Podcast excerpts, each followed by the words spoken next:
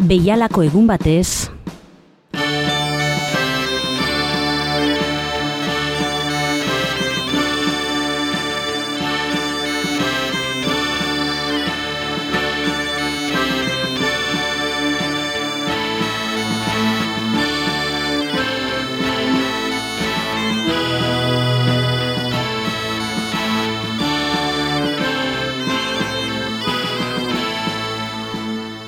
Agur eta ongi etorri Bilbo iria irratiko entzule zaren hori.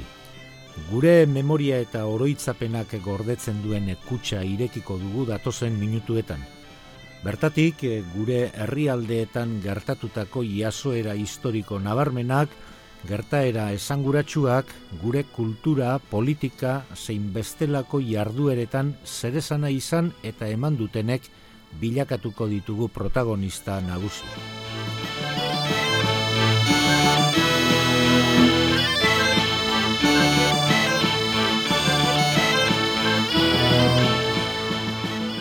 Gaurko gure programa honetan Piarrez Bordazarre edo Etxaun irurikoa ekarriko dugu guztion artera. Etxaun iruriko pertsona ireki, alai eta eleketaria.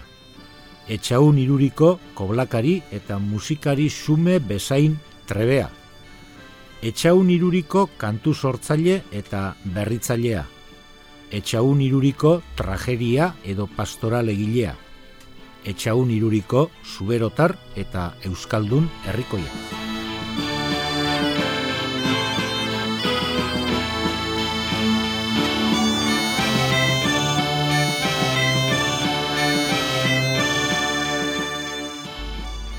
Gaurko gure programa honetan etxaun irurikoaren gorazarre egin eh, nahiko genuke. Gaur bezalako egun batez, mila bederatzireun eta irurogeita emeretziko urriaren lehen egunean zendu baitzen paubeko ospitalean, ustez oso erreza zen ebakuntza baten ondorioz. Ni deitzeniz, Pierre Bordazar, iui etxahunean sortu nintzan, maiatzan hoita sortzian, hemetzen eta sortzi garrenian eta han bizini zelabontxan, eta artetarik joaitan iz maskadeki da edo beste dantzaieki, plaza hoi gainti, Sibauko dantzen segitzeko.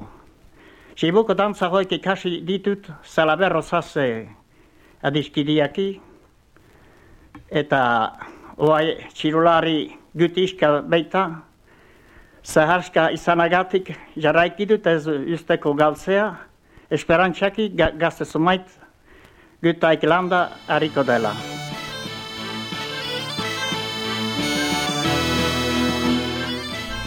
Etxaun iruri zenaren ahotza entzun berri dugu arestian.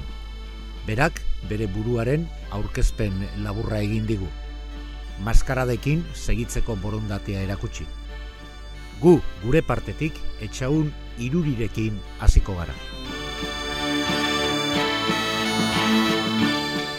Piarrez bordazarre zuberoako iruri edo troabil udalerriko etxaunian jaio zen mila bederatzi deun eta sortziko maiatzaren hogeita sortzian.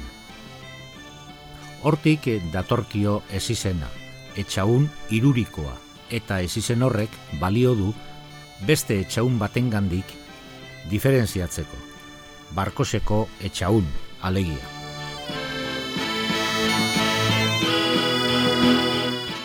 Aitak sortzi urte emanak zituen hartzai Ameriketan, eta itzultzean Barkoseko aina etxebarnerekin ezkondu zen iruriko etxaunean jarriz bizitzen.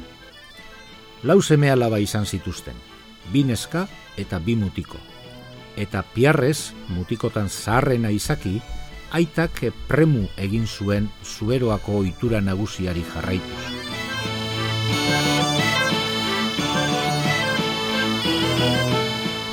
Piarrezek herriko eskolan burutu zituen legezko ikasturteak, sei eta amairu urte bitartean.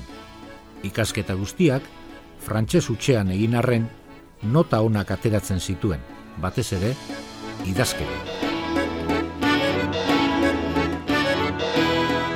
Bordelen soldaduzka egin ondoren sorterrian jardu zuen baserri lanetan, eta mila bederatzireun eta hogeita lauan eskondu zen Santagraziko Felizi Bortiri, dendari jostuna ere bazenarekin. Bigarren mundu gerlara deitu zituzten bordazarre bi anaiak, eta mila bederatzireun eta berrogeiko ekainean, piarrez bera ondo atera zen arren, anaia Alemaniarren segada batean erori, preso hartu eta bost urte eman zituen nazien atzaparretan. Zori gaizto handia gure poetaren ere bai, oroitzapen mingarri horretatik ez bazen behin ere askatu. Baina zein unkigarri abestuko zuen gerla ondoan, ama izeneko kantu bihotz erdiragarrian. Geroseago aipatuko dugu sasoi ura. Piarresek eta Felizik bi seme izan zituzten. Ailandu, zaharrenak hartu zuen aitaren segida etxauneko maiorazgoan, eta Mathieu, irakasle izan ondoren, angelura erretiratu zena. Etxaun irurikoa gizon polifazetikoa zen. Euskal jaien mundura goizik sartu zen. Leon Salaber, osazeko kantari, dantzari, soinulari eta pastoral erregentaren eskutik. Ondorioz, amabost urteko piarrez gazteak parte hartu zuen mila bederatzireun eta hogeita iruan irurin antzesturiko Charlemagne pastoral edo trajerian. Musukitarra eta txirula jotzen ere ikasi zuen gaztetik, eta horrek belarria zorrosteko balio izan zion. Jai eta festa ugaritan, ibili zen maskaradetan piarrez, ager atabalariarekin bikote mitikoa osatuz, ipar euskal herriko lurraldeetan. Gero, bertxotan hasi zen, Louis Ligetx larreintarrarekin. Orduan, ospetsua zen zigara eskondua zegoen ligetxau, eta merkatu egunetan geldialdia egiten zuen etxaunian, eta berandu arte koblakan jarduten zuen pierrez gaztearekin. Kantu idazten ere, hasi zen munduko bigarren gerla aurrean. Mila bederatzireun eta hogeita amazortzikoa da haren abesti unkigarrienetako bat. Domek marinelaren hiltzia loitzuneko arrantzale bati egina alegia. Trageria unkigarrien antolatzeko ere doai miresgarria zuen etxaun irurik. Plana zorroski landuz, oholtza gaineko jokoa eta mugimendua beti gogoan, alde zaurretik filmatuz bezala. Naiz eta Elizan etzuen denbora gehiagirik pasatzen, kristaua zen piarrez bere maneran otoitz egiten zuen kanpoan eta olerkietan, bereziki tragedietako azken kantuetan. Bestalde esan, ez zituela bere ideia politikoak eskutatzen.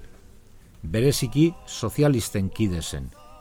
Alere, estimu handitan zuten zuriek edo eskuindarrek ere, gizon irekia baitzen, maitagarria, alaia, etxeko ateak zabalik zituen horietakoa. Ere hola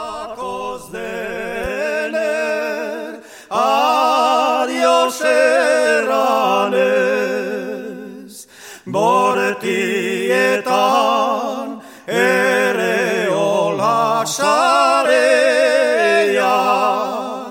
nola bestitzen melharrez eta senez, hartzainak goizal jeder batez gora berez bagoatza plazerez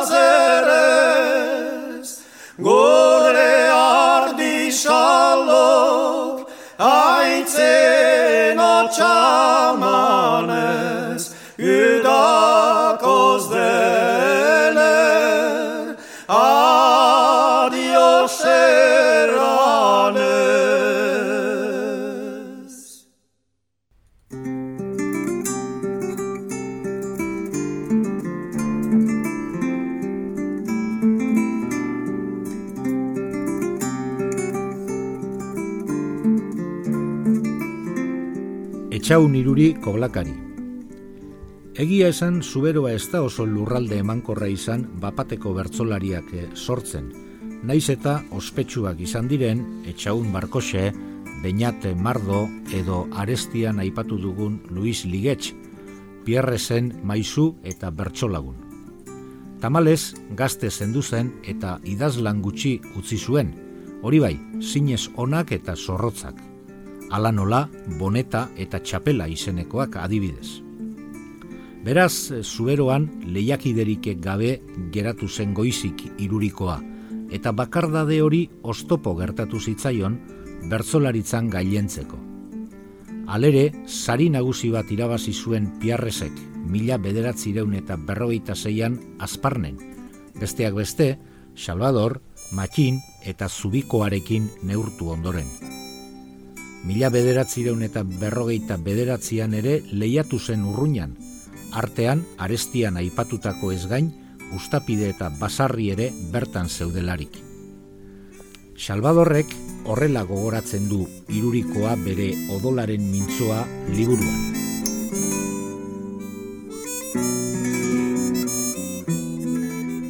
Etxaunekin ere kantatu izan dugu, batez ere, xuberoan ginabiltzalarik. Hau ez da ordea, berak aitortzen duena, hainbat trebe bapatean bertxet egiten. Baina baditu eginak kantu xoragarriak. Musika ere berak egiten badaki, eta hortan, bekaiztin itzaio Siberoako izarra den horri.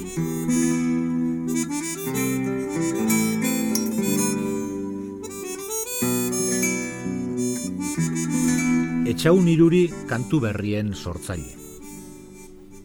Asko eta asko izan ziren bigarren mundu gerlan zueroatik Alemania partera deportatuak izan zirenak. Tartean, etxaun irurikoaren anaia ere egon zen. Alemaniatik itzuli ziren gerla prisioneroen ohoretan jaiak antolatu ziren mila bederatzireun eta berrogeita zeiko udaberrian herri eta horietan elkarrekin agertu ziren bilagun. Etxaun irurikoa eta arabarko mendikotakoa. Eta nagusiki etxaunen kantu berri unkigarria kantatu zuten. Ama izenekoa. Aiser plazera posturte hya sholetila tütültiya Teneria ia sure veridicus tia. Ascis offritum icamiceta, desimuclio dinsia, es passe tu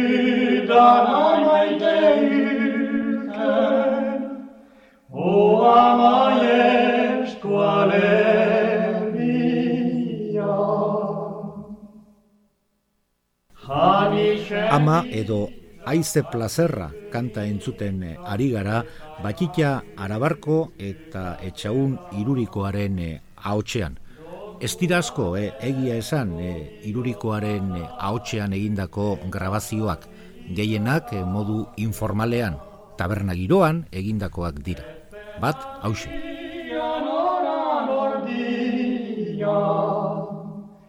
Zer zen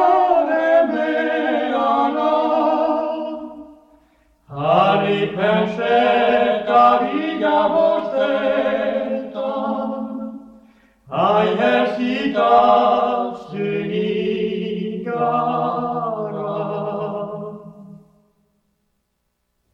Szorty bemi, jak berekniati, lehenelhi, jadujama.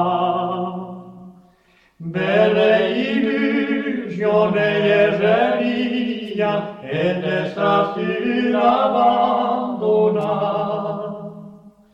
Sora Mario va spaccarito su, mi si c'è un da copena,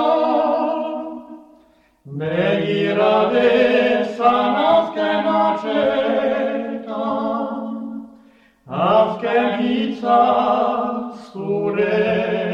Ama. Tra la la la la, tra la la la, tra la la la la la la, tra la la la.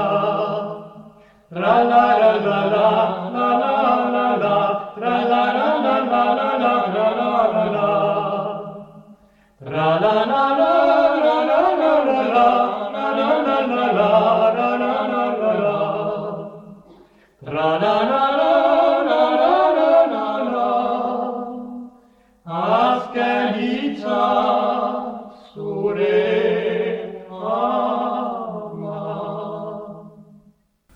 Irurikoak laster atera zuen abesti zaparra da harrigarria.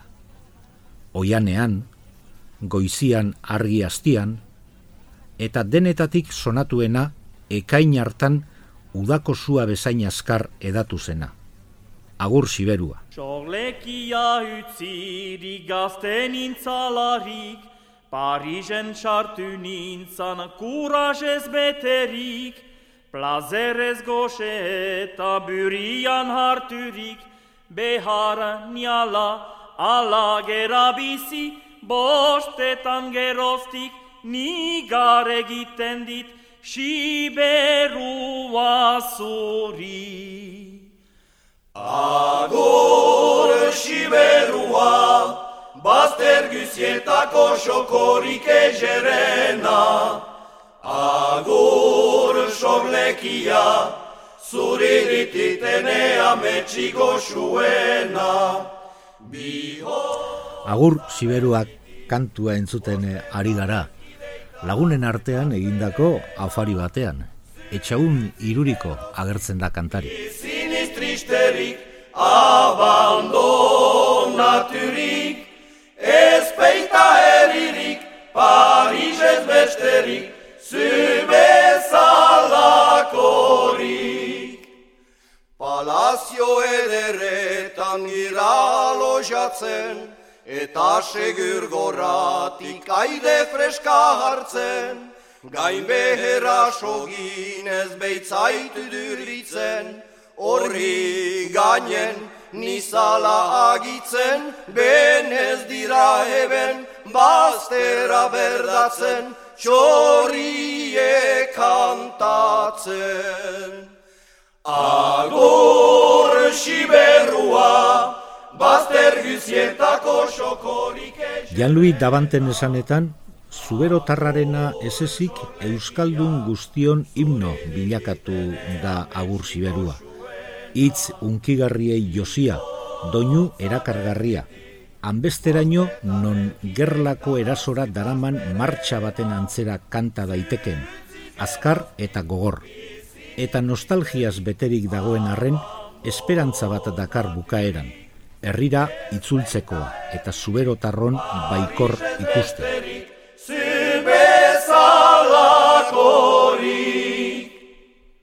Ametsala gunezak niataratzerat, ene azken egunen hani garaiterat, horriko txorriaren kantuz behatzera, parkatitzan nik egin igarra. Kanta honetan aipagarria da baita ere errepikapenaren erabilera. Ordura arte ezer gutxi erabiltzen zena euskal kantagintza tradizionalean. Agur siberua, bazter guzietako xokorik egerena.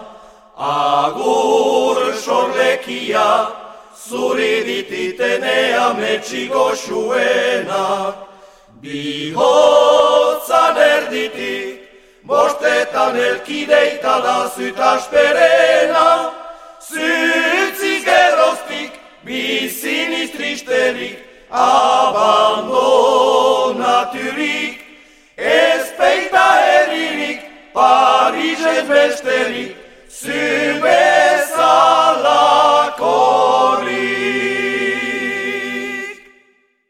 Orotara berrun bat kantu ondu zituen irurikoak eta doinuak ere berak asmatzen ditu.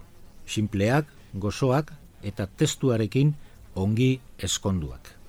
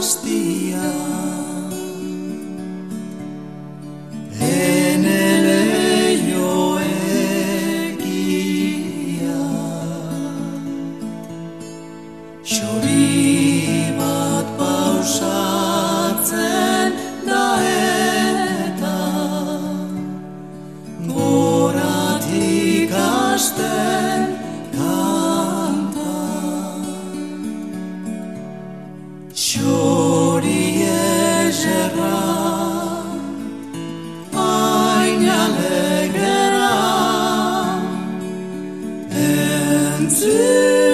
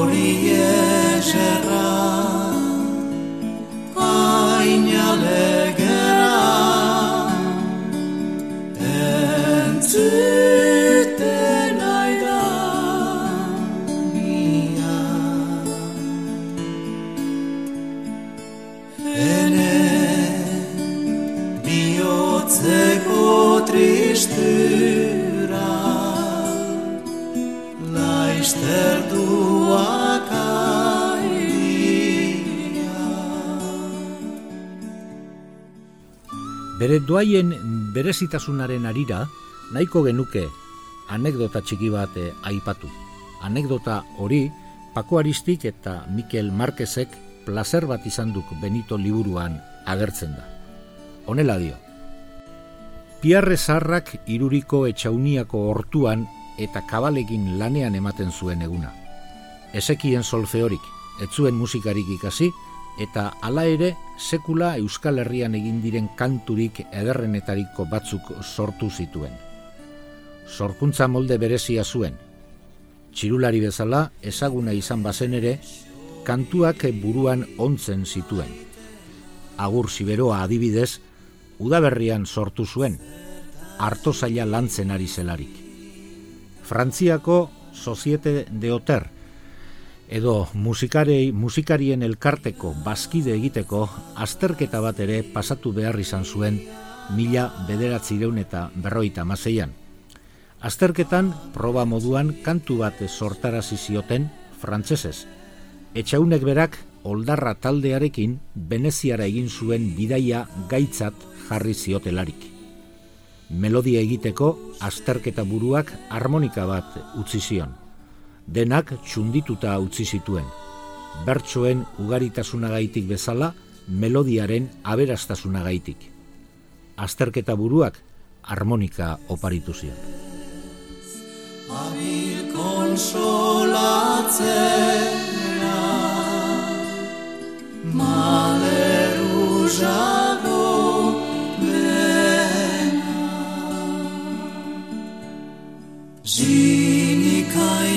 Zinikai goizi uste hiena. Baina lanit ena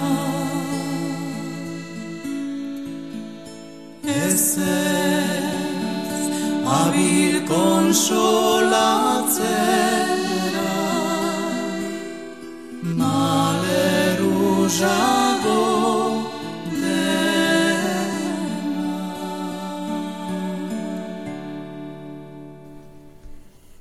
Itzen aldetik ere berrikuntza nabaria dakarte irurikoen zenbait kantek.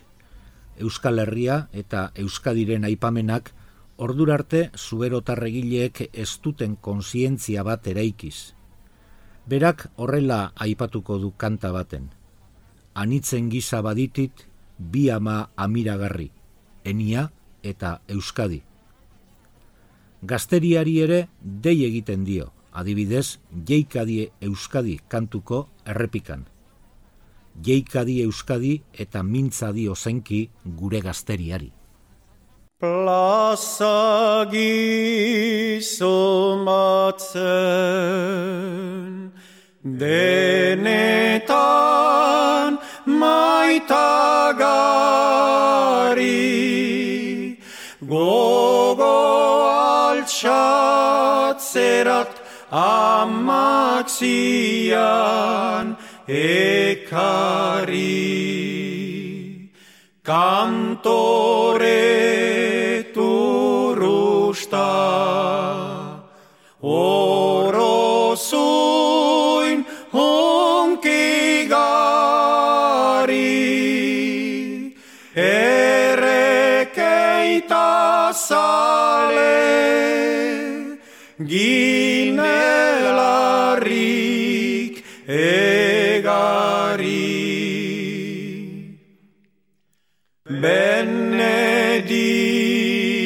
Benedikatehi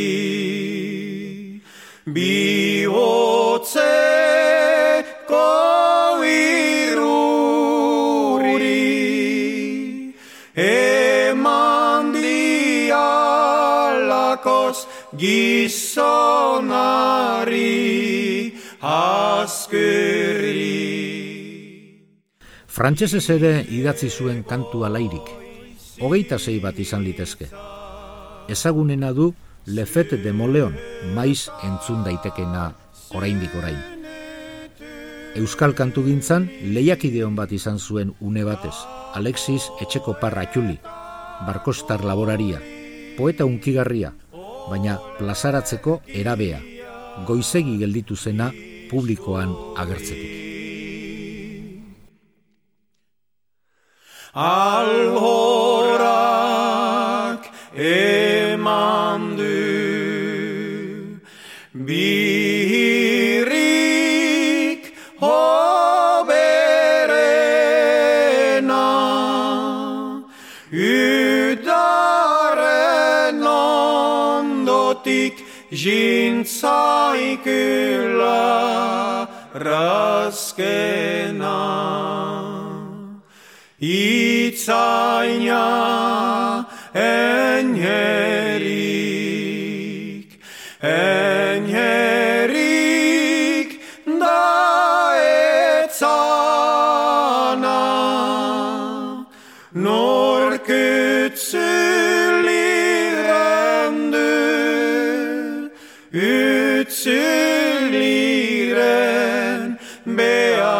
beasana. Itzaina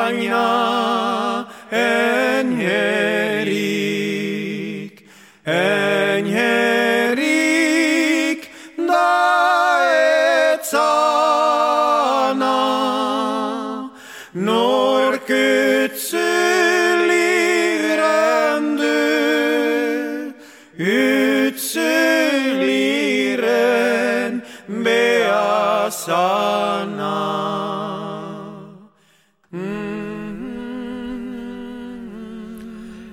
Etxaun iruriko pastoralen berritzaile. Bederatzi trageria edo antzerki idatzi eta eman zituen etxaunek mila bederatzireun eta berroita amairutik mila bederatzireun eta larogei bitartean. Horri esker sortu zen Euskal Herri osoan antzerki zahar horrekiko ezagupidea eta miresmena. Bederatzi sujet, eroi, protagonista horietatik lau dira zuberotarrak.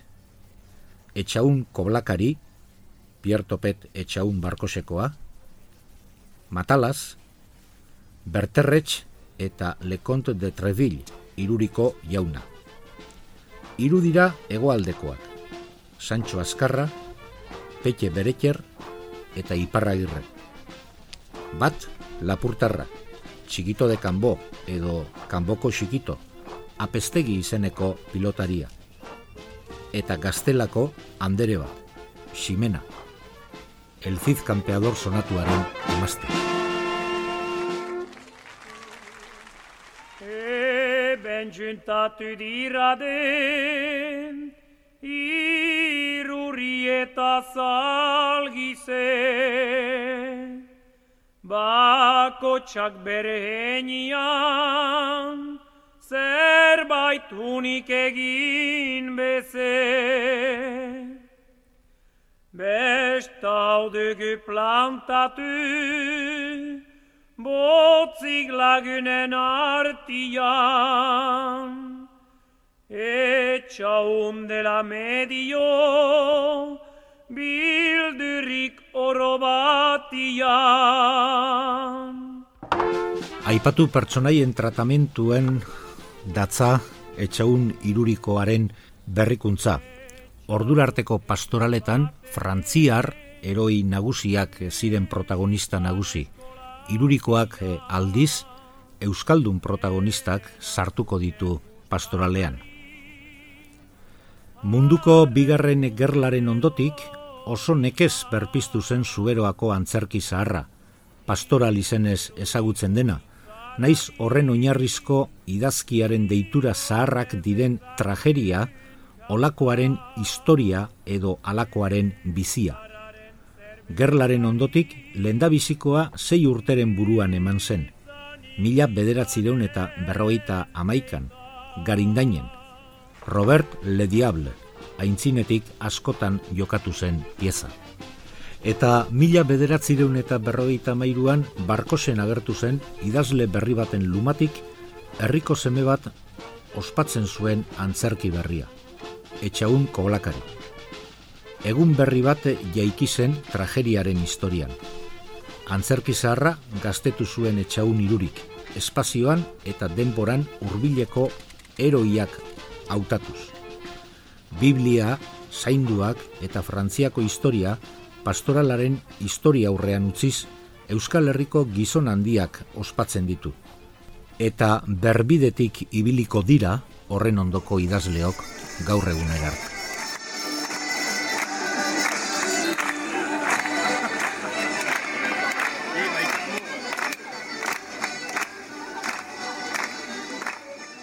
Gainera, lehenago sei orduz antzesten zena laburtzen hasia baitzuten salaber erregenda bezalako batzuek mugimendu hori areagotu zuen etxaun irurik, laborduz behera ekarriz. Gaur egun, hiru ordu ingurukoa du iraupena.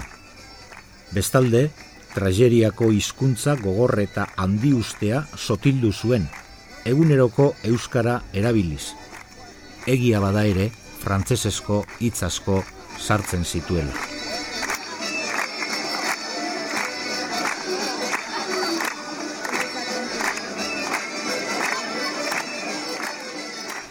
Euskal kantua ere pastoralean sartu zuen etxaun irurikoak.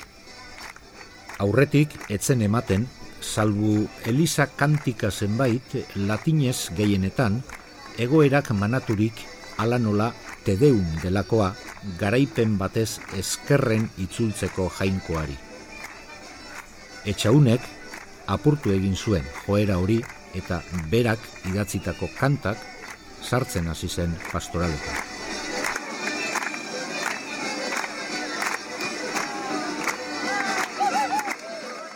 Bitxikeri gisa e, aipa dezagun etxaun irurikoa laboraria zela e, ofizioz, sarritan e, ikusten e, omen zuten bere auzokideak baratzean e, lanean geldirik, pentsatzen balego bezala. Bai, pentsatzen zegoen irurikoa. Pastoralan, pastoralaren ehunka bertso pentsatzen zituen. Eta borobildu ere bai bere buruan. Etxera itzultzean, ilunabarrean, etxean zituen kuadernoetara pasatzen zituen eta bertan idatzi. Bitxikeria bada ere, kuaderno horietan, ez dago inolako tatxarik, ez dago inolako borroirik. Genio izatearen erakusgarri nabarmena, jakin.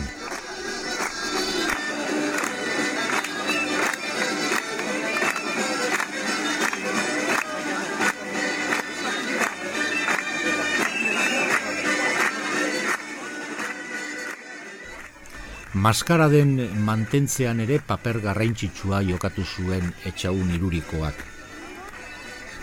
Gaztaroan ikasirik ez zeukan txirula. Gero, ahaztu samarrik ere bai.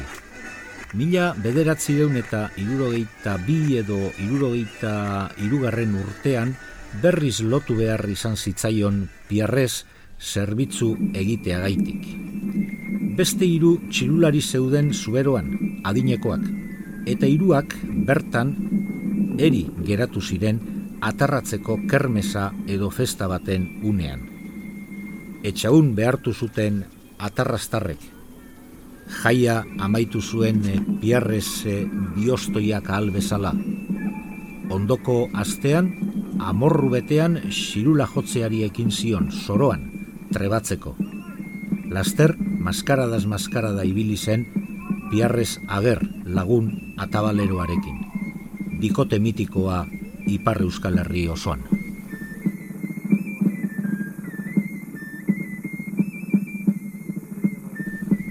Txirularen bizi iraupenak ere asko zordio etxaun irurikoari. Jotzailea esesik, txirularen teknika transmititzen ere jakin izan baitzuen. Eta gaur egun, langintza horretan diardutenek, maizu handitzat izan zuten etxaun irurikoa.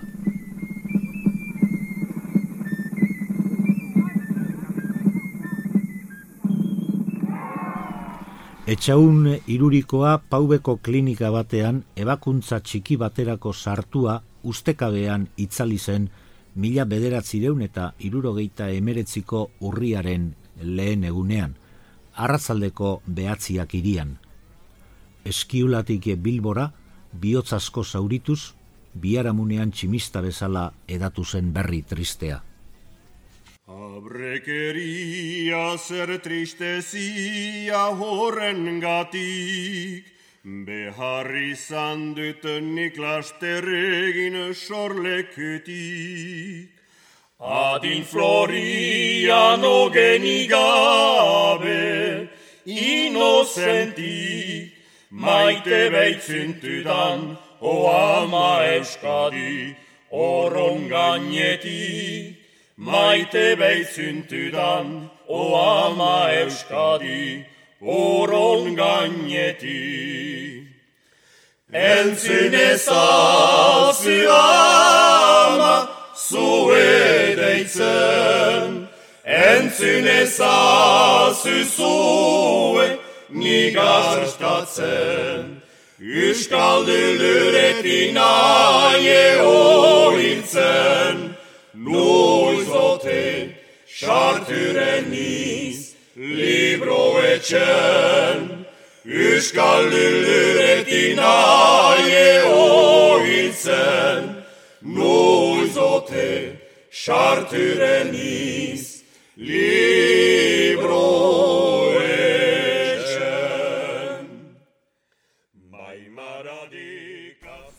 Eta onaino lagunok Piarrez Bordazarre etxaun irurikoaren bizitzaren zenbait pasarte. Laboraria ofizioz, bere sorterriari atxikitua eta Euskal Herria bere osotasunean ulertzen jakin izan zuena Euskal Zaletasun sendo baten ikuspuntutik. Gizon anitza, trebetasun artistiko ugari landu, berritu eta gureganatu zituena. Koblakari, txirulari, kanta egile, pastoral berritzaile eta maskarada suspertzailea besteak beste.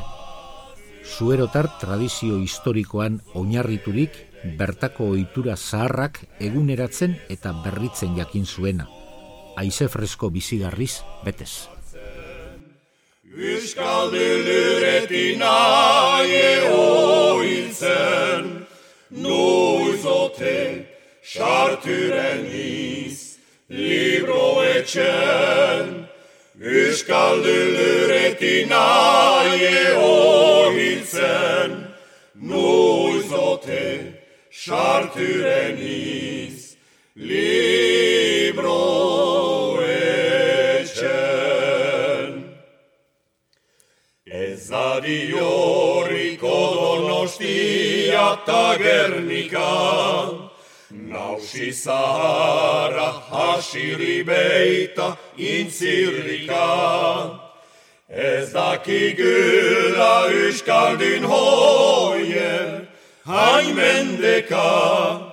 Uste beno lehen, ez dakion utzul, errepublika. Uste beno lehen, ez dakion utzul, e republika. Entzun ezazu ama, zue deitzen, entzun ezazu zue nigarskatzen. Euskaldu luretin aie oiltzen, noizote sarturen iz libro etxen, Euskaldu luretin aie hohitzen, noizote sarturen iz,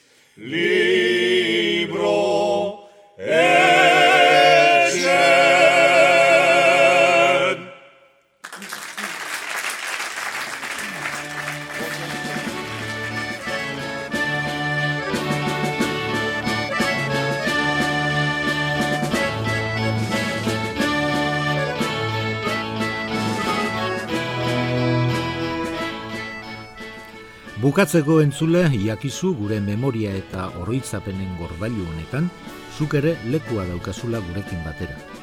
Mil esker gurekin egotea daitik, eta ondo ondo izan. Urrengo batera.